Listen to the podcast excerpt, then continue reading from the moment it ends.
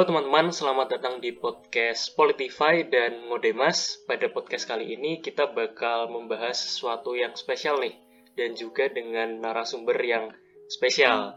Nah, kali ini aku juga bakal ditemani oleh rekan perpolitikanku yang namanya Ubaidillah Hanif. Halo Ubed, boleh kasih sapa buat para pendengar? Oh yes. Ya, nah, halo semua mungkin perkenalan dikit ya uh, teman-teman. Jadi aku dan Ubed ini adalah mahasiswa Departemen Politik dan Pemerintahan UGM angkatan 2020.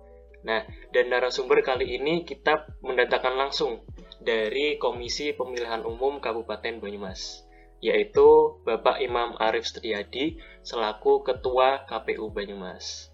Halo Pak Imam, boleh menyapa halo, kita? Mas Faiz, halo Mas Ubed. Sehat-sehat terus ya. Alhamdulillah Pak. Nah, nah Ubed, uh, podcast kali ini kita bakal membahas apa sih kok boleh tahu?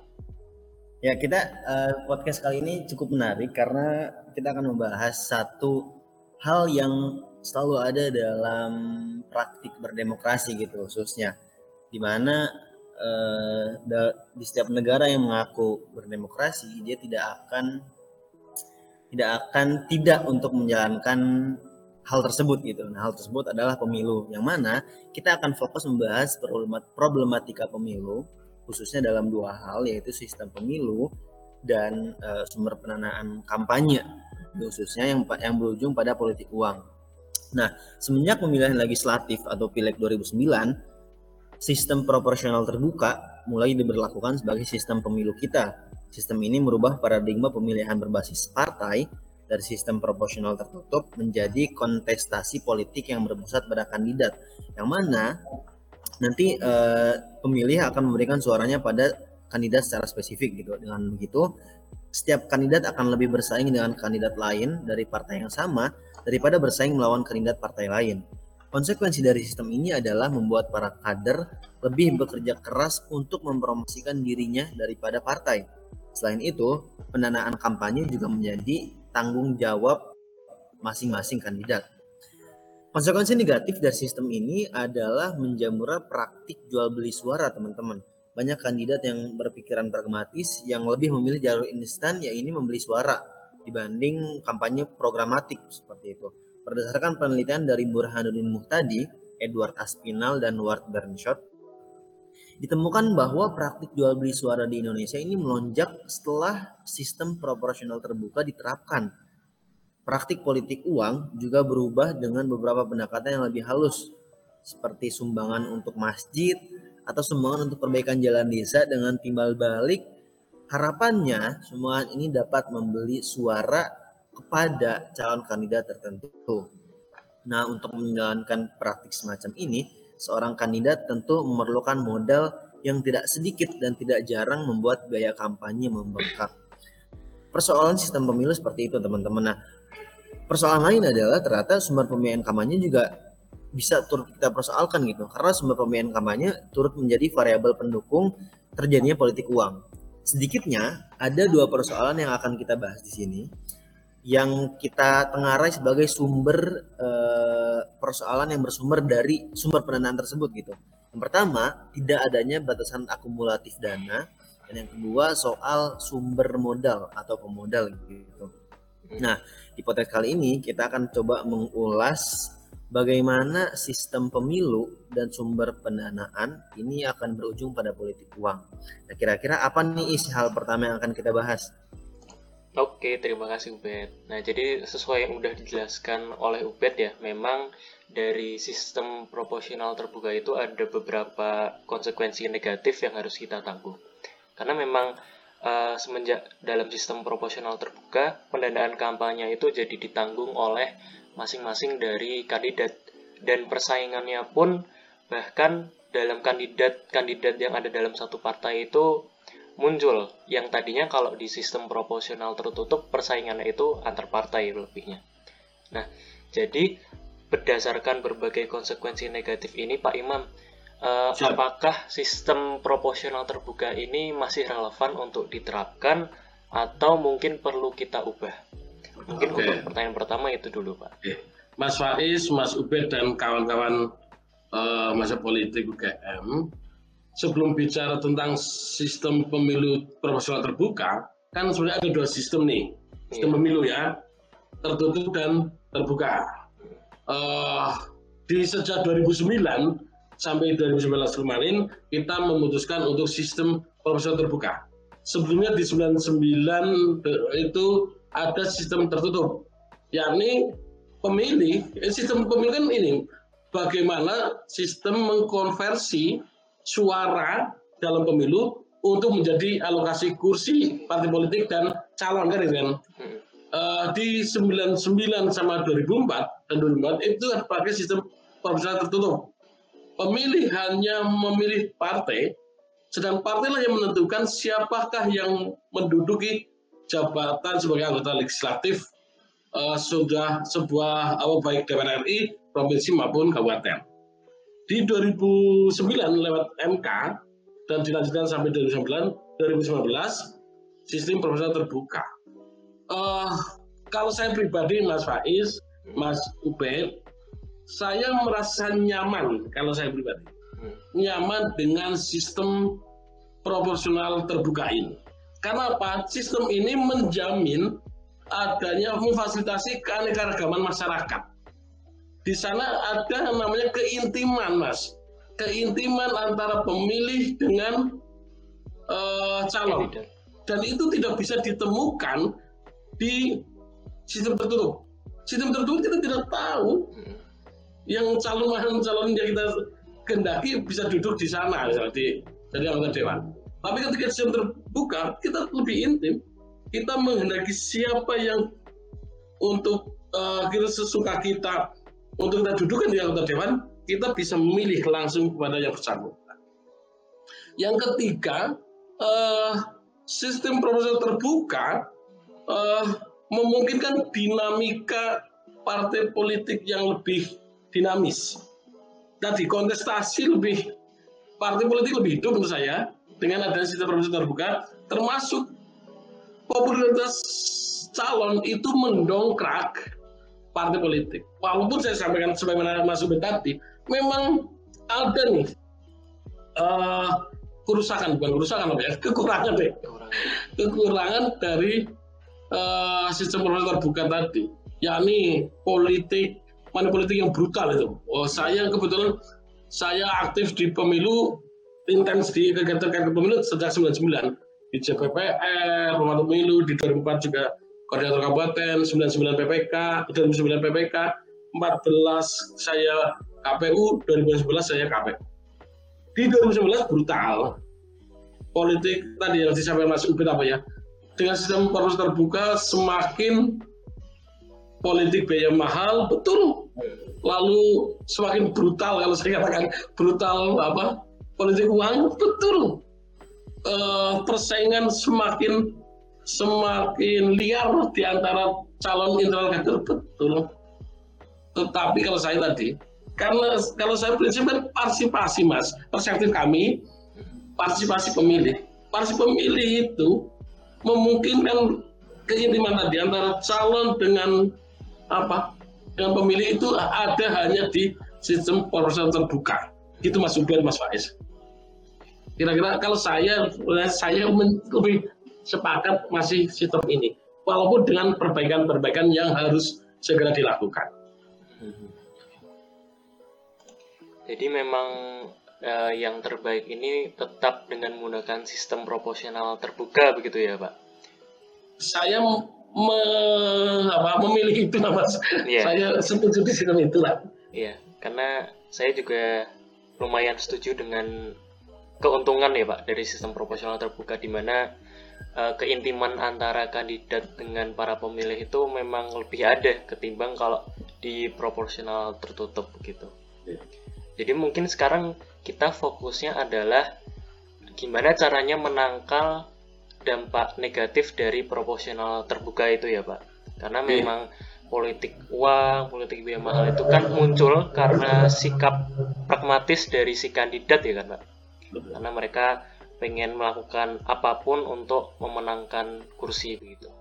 Nah kira-kira langkahnya ini bagaimana Pak untuk menangkal sikap pragmatis dari para kandidat ini? Mas Faiz, Mas Ubed dan kawan sekalian terkait dengan sikap pragmatis, terkait dengan politik biaya tinggi, terkait dengan money politik itu begitu banyak variabel pendukung sebenarnya. Kan menurut bukan hanya terkait pragmatisme uh, kandidat saja, tetapi di sana ada perilaku pemilih, di sana ada kondisi ekonomi, kan? uh, di sana ada peran partai politik, di sana ada peran stakeholder yang lain. Yang ingin kami sampaikan adalah apa yang harus kita lakukan nih. Menurut saya, Nyesewu, partai politik punya peran strategi sebenarnya dalam konteks perbaikan sistem ini. Dengan cara apa? Menurut saya partai politik seharusnya punya itikat baik untuk benar-benar uh, merekrutmen kandidat yang berkualitas. Tetapi cara dengan fit for terbuka dan transparan nih. Sebelum pencalonan, ya, rekrutmen pencalon, sebelum di DCM calon itu diusulkan ke KPU lewat DCS dan ditentukan di DCT, ada mekanisme kontrol di masyarakat. Saya mengidealkan, saya mengidealkan ada ada partai yang melakukan itu dan ada kemarin partai salah satu partai melakukan itu. Ada protest calon untuk DPR RI lah, untuk provinsi kabupaten saya belum dengar. Ini ada calon. Uh, minimal kita tahu kualitasnya. Kedua, partai politik kan hari ini uh, begitu banyak partai politik yang tidak melakukan pendidikan politik pada kader dan masyarakat. Mereka melakukan hanya ketika menjelang uh, apa pemilu dan temanya pun tema tentang hanya tentang pemenangan ansih tidak bicara tentang bagaimana yuk berpolitik yang apa mungkin yang yang bermoral mungkin apa yang bermartabat ya. Bagaimana kita partai politik juga mendorong isunya sama politik biaya murah misalkan gitu. Tidak ya. ansih hanya bicara kemenangan. Uh, ini ranah partai. Yang kedua ranah pemilih. KPU Banyumas sejak awal uh, Mas Faiz juga kita pernah bincang dengan Mas Faiz Sejak awal memang uh, prioritasnya bagaimana isu kita bersama, kita KPU Banyumas dengan kampus, dengan komunitas-komunitas dan masa ke sekolah-sekolah juga isu sama, yakni bagaimana menciptakan pemilu atau politik biaya murah, biaya rendah gitu. Caranya kita edukasi, Mas.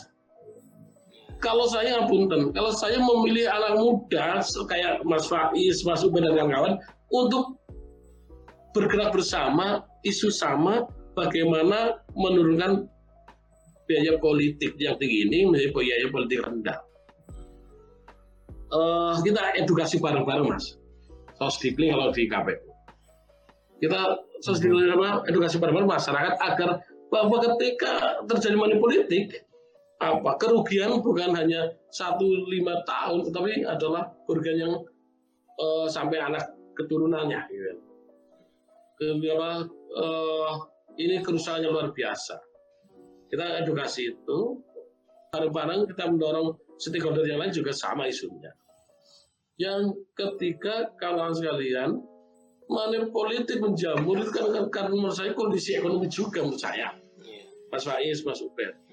Kalau negara kita yang kita cintai atau kabupaten atau provinsi yang kita berada tingkat kesejahteraannya tinggi, kayaknya tidak mungkin melik untuk ukuran atau melik ya Mas Faiz, Mas Ubed.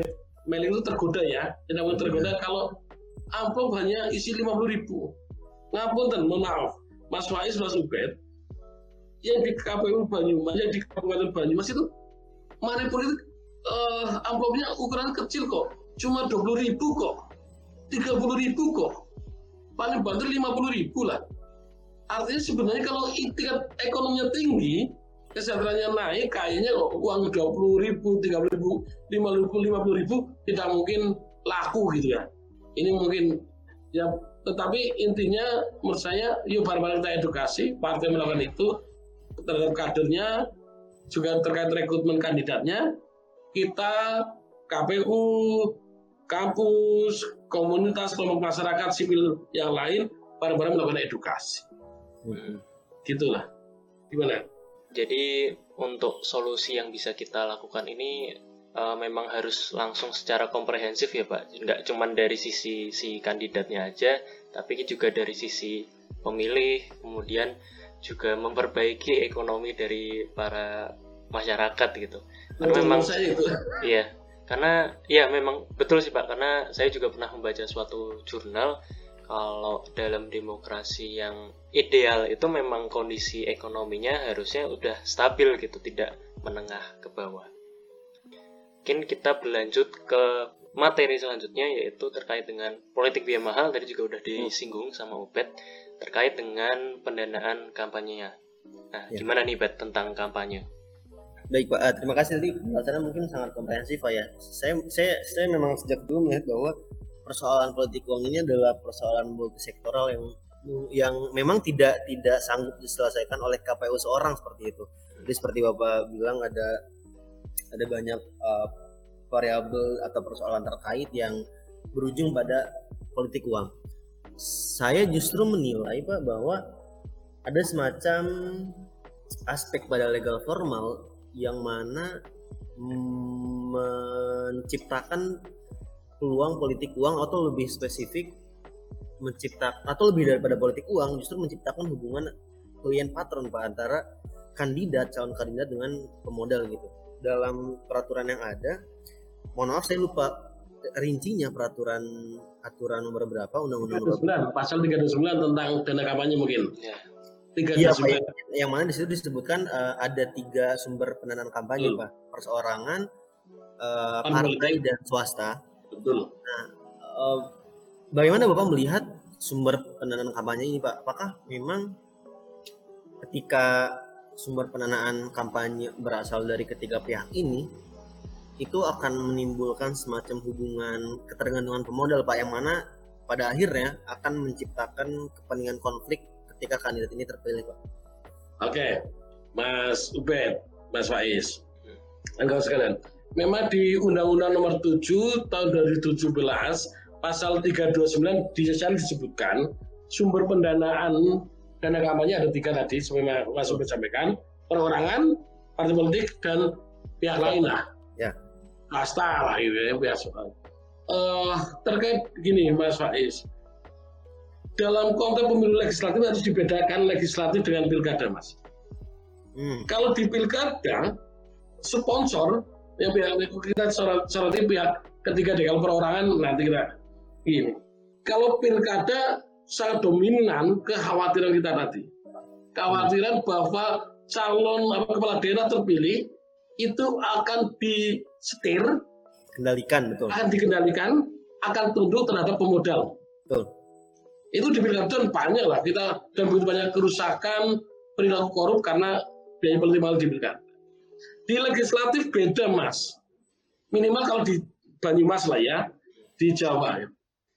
Di legislatif itu lebih banyak dana dana kampanye bersumber dari pribadi mas. Ini implikasinya berbeda dibandingkan dengan pihak swasta, perorangan. Kalau pribadi itu implikasinya adalah perilaku koruptif kandidat tersebut, Ah, calon tersebut. Yang kedua karena apa? Karena bicara pengembalian modal, tetapi tidak lagi-lagi eh, kami belum menemukan minimal di Banyumas eh, sponsor ini mengendalikan anggota dewan tersebut.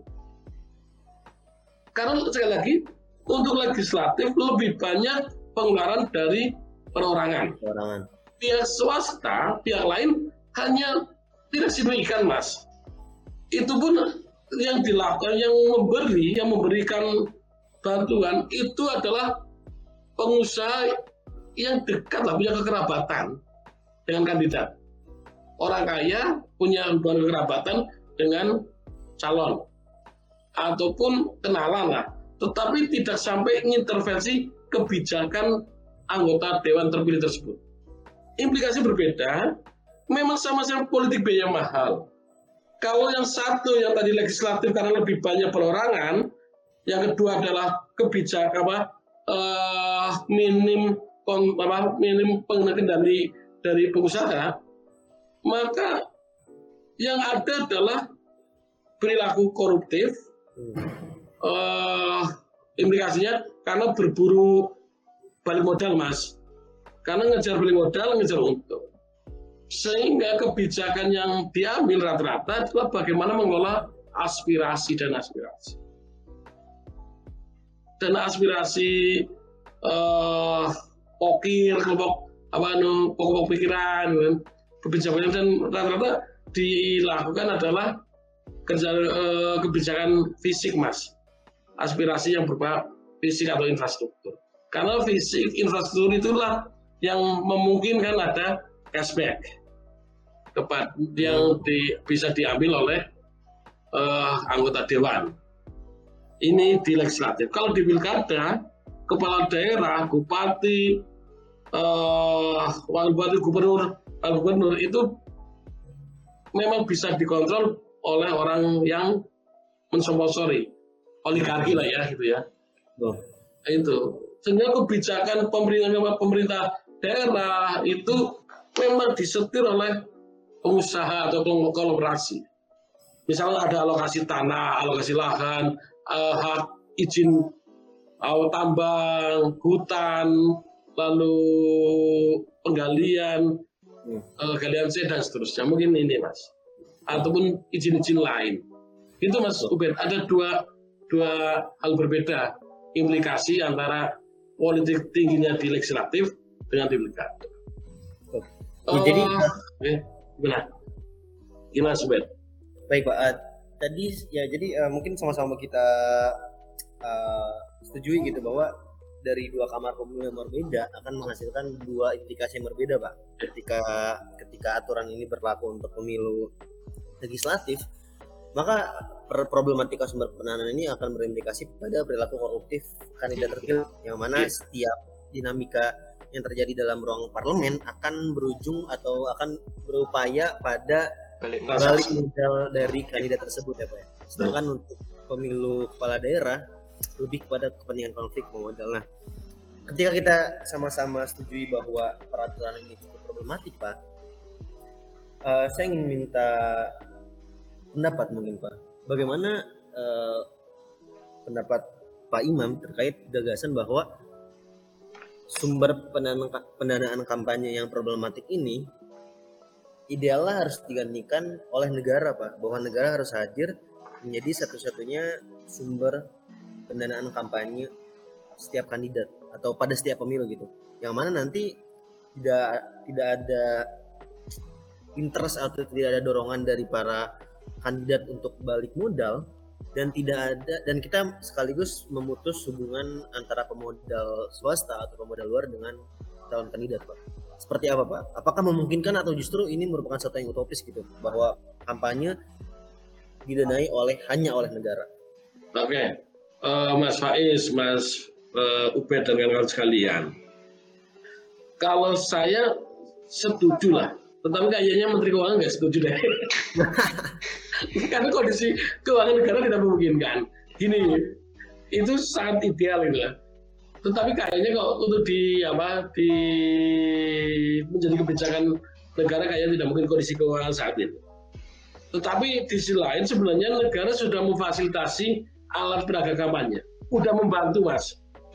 Ada salah satu pengeluaran dana kampanye adalah di alat peraga kampanye. Baliho, spanduk, stiker, flyer, dan seterusnya. Ini sudah difasilitasi oleh negara mas. Ada poinnya, KPU, Kabupaten, Provinsi, dan RI mencetak alat peraga yang kita berikan untuk peserta pemilu kok mas sudah mulai artinya.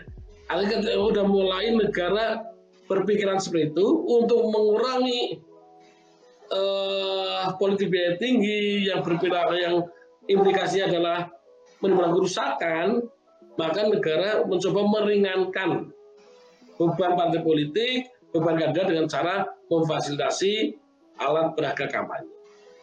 Kayaknya kalau negara sudah lebih lebih ekonomi lebih kuat, kayaknya mungkin di apa ditanggung semua.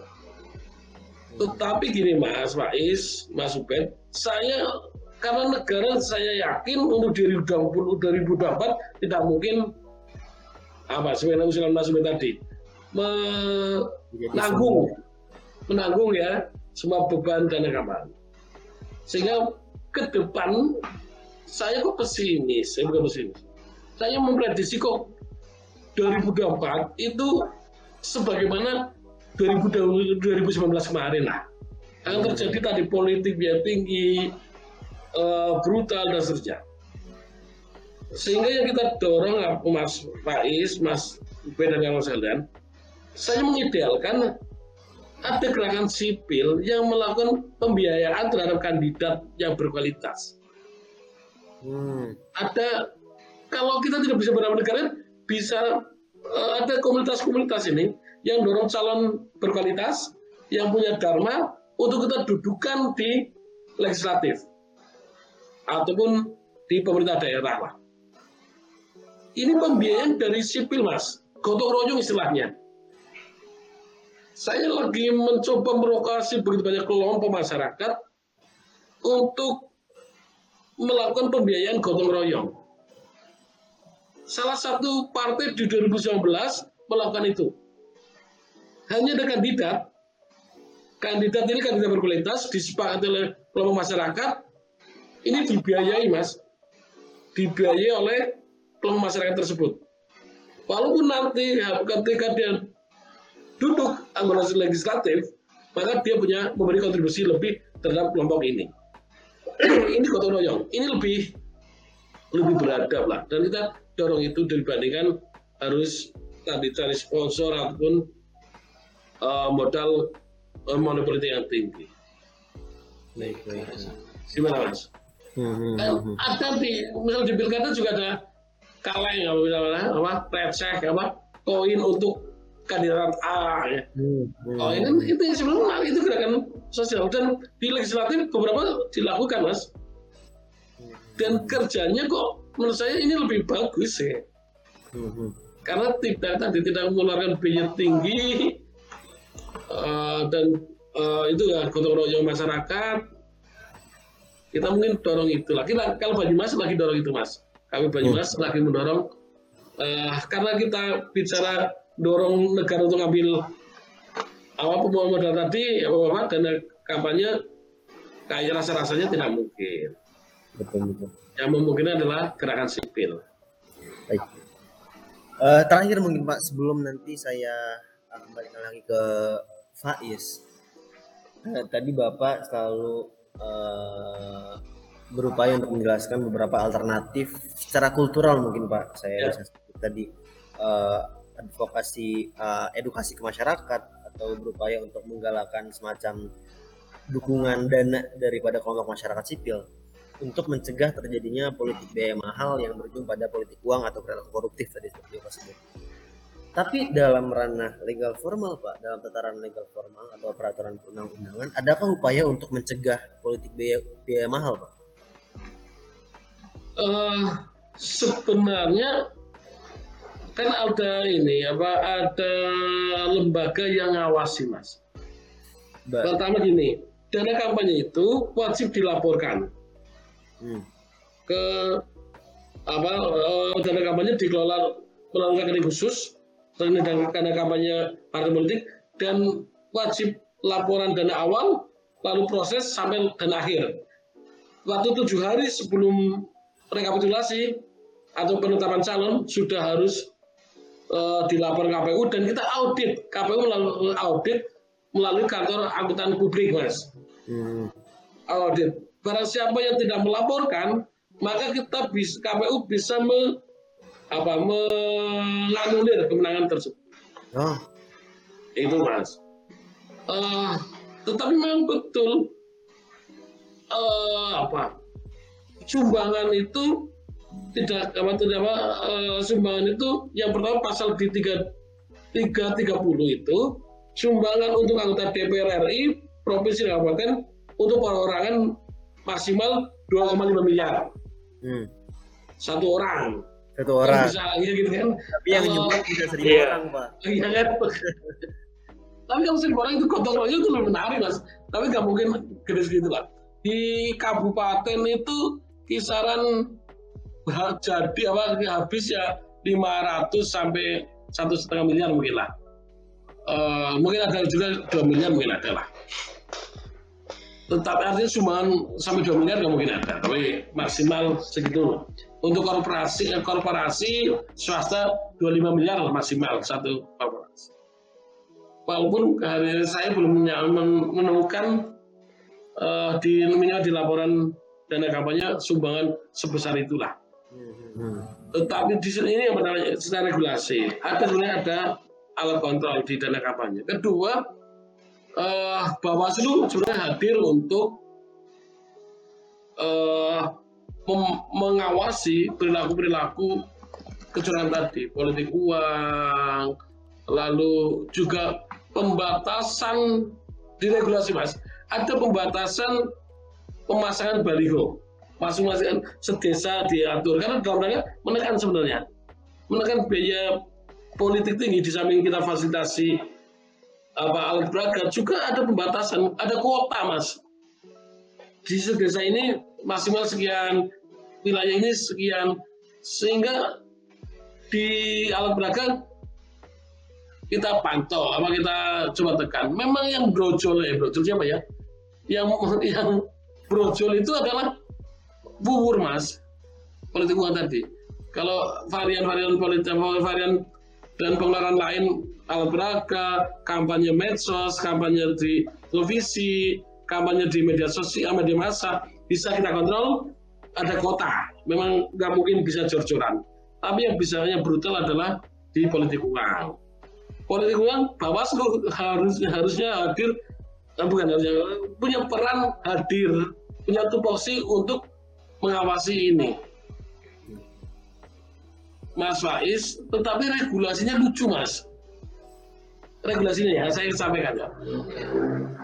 Regulasi politik uang itu uh, yang di hari tenang itu pasalnya adalah hanya melarang tim kampanye mas.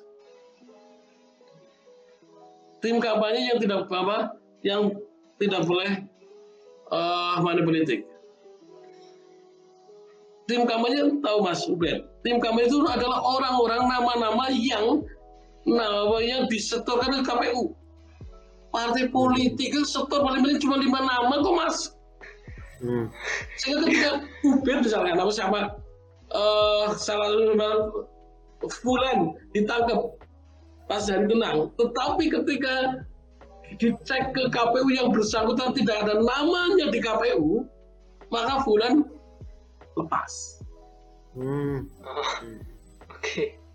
Itu yang kedua, ini lagi cerita lah tentang undang-undang. Yang kedua adalah barang siapa? Barang siapa itu hanya di hari H, Mas. Siapa pun yang melakukan politik dikenai sanksi itu di hari H. Hari pencoblosan jam 00.01 sampai apa hari Rabu lah kan pemilu hari Rabu hari sampai malam Kamis dini hari itu itu barang siapa tetapi Mas Ubed Mas Faiz kelemahannya adalah kalau ditangkap ada di sana kita misalnya ada laporan tetapi yang bersangkutan tidak hadir ketika panggilan Bawaslu selama tujuh hari, 14 hari, lepas. Karena Bawaslu itu tidak punya uh, sebut paksa. Punya kewenangan sebut paksa. Jadi banyak banyak cara lepas mas. mm-hmm. Itu mas. Ya itu kan memang harus yang kita kita kita PR bersama lah kita untuk menekan politik biaya apa mahal lalu tadi perilaku money politik. Iya. Baik, baik. baik.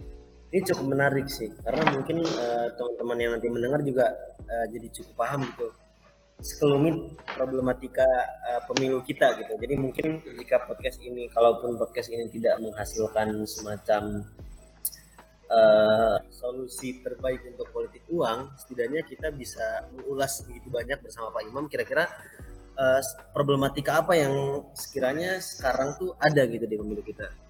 Seperti itu bisa mungkin kira-kira. Iya, betul. Betul sekali. Nah, uh, sayang banget ya ini nggak kerasa udah setengah jam lebih kita berdiskusi bersama dan tampaknya kita udah di penghujung podcast nih Pak. Mungkin sebelum kita ditutup, Pak Imam boleh memberikan sepatah dua kata untuk closing statement dulu Pak. Oke, okay. Mas Faiz, Mas Ubed dan kawan-kawan sekalian, saya termasuk orang yang optimis uh, dan berharap pemilu ke depan lebih baik. Caranya apa? Kita, kalau saya, KPU dan teman-teman melakukan edukasi lah. Ngomongi partai politik orang kuat. Tidak mampu ya, bukan undangan saya. Yang kami lakukan ngajak kawan-kawan sekalian, anak-anak muda, kampus, kelompok sipil, bareng-bareng untuk uh, berupaya menekankan apa melakukan apa? Mencegah politik money politik lalu gerakan politik biaya murah dan kita sampaikan implikasi kerusakan luar biasa ketika politik biaya tinggi masih dipelihara dan masih terjadi. Ya bareng-barenglah kita coba lakukan itu uh, demi Indonesia yang lebih baik. Itu mas. Oke. dan Terima jangan, kasih pernah, jangan pernah menyerah Mas Ubed. Mas Fahid optimis lah. Kita harus melangkah. Seribu langkah itu dimulai dari satu langkah gitu ya oh, kebaikan dimulai dari kita gitu ya. Itu Mas. Faiz Mas Ubed terima kasih juga Pak.